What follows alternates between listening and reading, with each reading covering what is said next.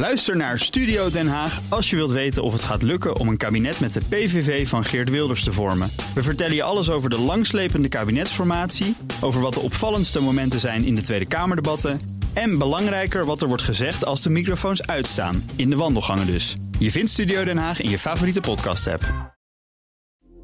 Dit is een BNR podcast. Postma in Amerika. Tijd voor het Amerikaanse nieuws door de ogen van onze correspondent in Washington, Jan Postma. Jan, jij bent deze week in South Carolina, onder meer voor de eerste democratische primary, die daar zaterdag is. Biden is natuurlijk de favoriet. Het is voor de andere kandidaten niet makkelijk om tegen hem op te boksen. De ene tegenstrever, Marianne Williamson, die heeft het al wat opgegeven volgens mij. En de ander, Dean Phillips, uh, die haalde 20% in New Hampshire. Die primary die niet meetelde voor de Democraten. Uh, Phillips is in South Carolina echt heel energiek aan het campagne voeren. Ik kan niet anders zeggen. Uh, nam ook de tijd voor ons. je gaat hem nog horen in, in de podcast. En, en hij was ook op BNR te horen. Hij is steeds heel hoffelijk. Zegt ik heb heel veel respect voor Biden. Maar hij gaat het echt niet redden tegen Trump. dus er moet wat gebeuren. Maar het is echt vechten tegen de bierkaai voor hem. Alles hier is gericht op Biden. Alles binnen de partij. Uh, er was zaterdag een groot campagne-evenement uh, voor de Democratische Partij. Vanwege die primary. Uh, daar was ik ook bij. Biden was de hoofdspreker. Dean Phillips mocht als tegenkandidaat ook spreken. Maar wel in het voorprogramma. Toen iedereen nog zijn plekje zocht of bij de bar stond. Dus echt niemand luisterde. You know what, everybody? Can I have your attention for just a minute? We're all Democrats. Got a lot of speakers tonight, and I know what it's like when no one's paying attention. I would ask for just about two of your minutes. I would just be grateful and afford the same respect to everybody who's up here. Thank you. Ja, en dan moet je je voorstellen, hij was net zijn persoonlijke verhalen aan het vertellen. Hoe zijn vader in de Vietnamoorlog is omgekomen, hoe die geadopteerd is. Dus echt, nou, hij heeft een mooi campagneverhaal hoor. Maar niemand luisterde dus. En, en dit moment valt de eenzaamheid op dit moment voor Dean Phillips al samen. Uh, wie willen naar mij luisteren? Uh, eigenlijk iedereen die direct bij die primary betrokken is, zeg maar het, het, het wat fanatiekere democratische publiek, die staan achter Biden. Uh, die Phillips is al weken op volop campagne, doet dat bijna in zijn eentje. En voor Biden ondertussen de hele partijtop is hier. Uh, de voorzitter, congresleden, de gouverneur van Californië, Gavin Newsom, ook lokale mensen. Uh, ik was die avond ook op zoek naar Dean Phillips stemmers bij dat evenement. Ik vond iemand aan de tafel van Dean Phillips, bleek de man van een vrijwilliger van de campagne te zijn. En die begon met een gloedvol betoog voor Biden. Dus dan weet je het wel. Ja. Dean Phillips wordt uh, wel geholpen door een oude bekende, Andrew Yang.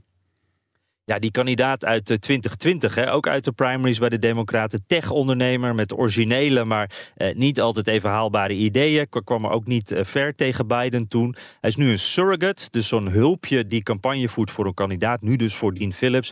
En Yang, ja, die, die was gefrustreerd. Uh, dit is op datzelfde evenement. Hij legt uit dat Biden het steeds heeft over het redden van de democratie. Maar dat hij eigenlijk zelf het systeem in deze primaries helemaal naar zijn hand heeft gezet. Wat, alles behalve democratisch is. The, the Democratic Party and Joe Biden himself is in making the case that this election is about democracy. Meanwhile, they've been stifling the democratic process uh, themselves by canceling the primaries in Florida and North Carolina, um, and, and, by having, uh, in, in, many ways, uh, a show primary in, in various locations. Uh, that's why Dean Phillips' run is so important. If you actually believe in democracy, you want there to be a real competition. Ja, harde kritiek dus van, van Yang noemt het een show primary, een nep primary. Uh, hij heeft natuurlijk een duidelijk belang. Hè? Hij zegt dit ook voor zijn kandidaat. Maar ik vind het wel heel interessant, omdat hij heel hard uitspreekt wat anderen in die Democratische Partij eigenlijk niet willen horen of zien. Uh, of eigenlijk maar heel voorzichtig willen zeggen. Ja, Yang waarschuwt ook, hierdoor kunnen Democraten de verkiezingen verliezen. Ja, nog zo'n harde boodschap uh, die niet iedereen uh, wil horen. Uh, hij waarschuwt eigenlijk voor een Hillary Clinton-achtig scenario, 2016, waarbij de partij eigenlijk oplegt wie gekroond wordt. Dus geen ruimte voor een andere partij, voor een andere kandidaat. Maar waarna dan blijkt ja, dat de kiezers er eigenlijk helemaal niet op zitten te wachten op die kandidaat. hij zegt er is eigenlijk geen eerlijke keuze nu ook, omdat Biden gewoon geen ruimte laat voor, voor een eerlijke strijd. daardoor doen grotere namen ook niet mee. Die wachten allemaal tot de volgende verkiezingen.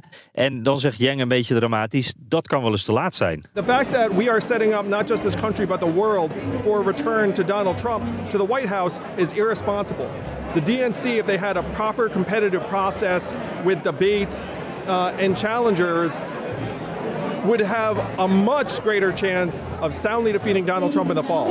Imagine if this primary on the stage behind me today was not just Joe Biden and Dean Phillips, but Gavin Newsom, J.B. Pritzker, uh, Gretchen Whitmer, all the people that we know want to run for president, they are all missing their moment. The country needs them now. They're all waiting for 28. What is left for us in 28 after Trump returns in 25?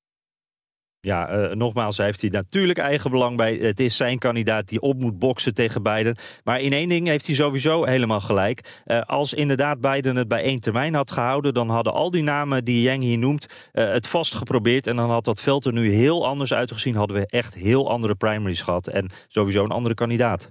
Dank. Jan Postma, correspondent in Washington.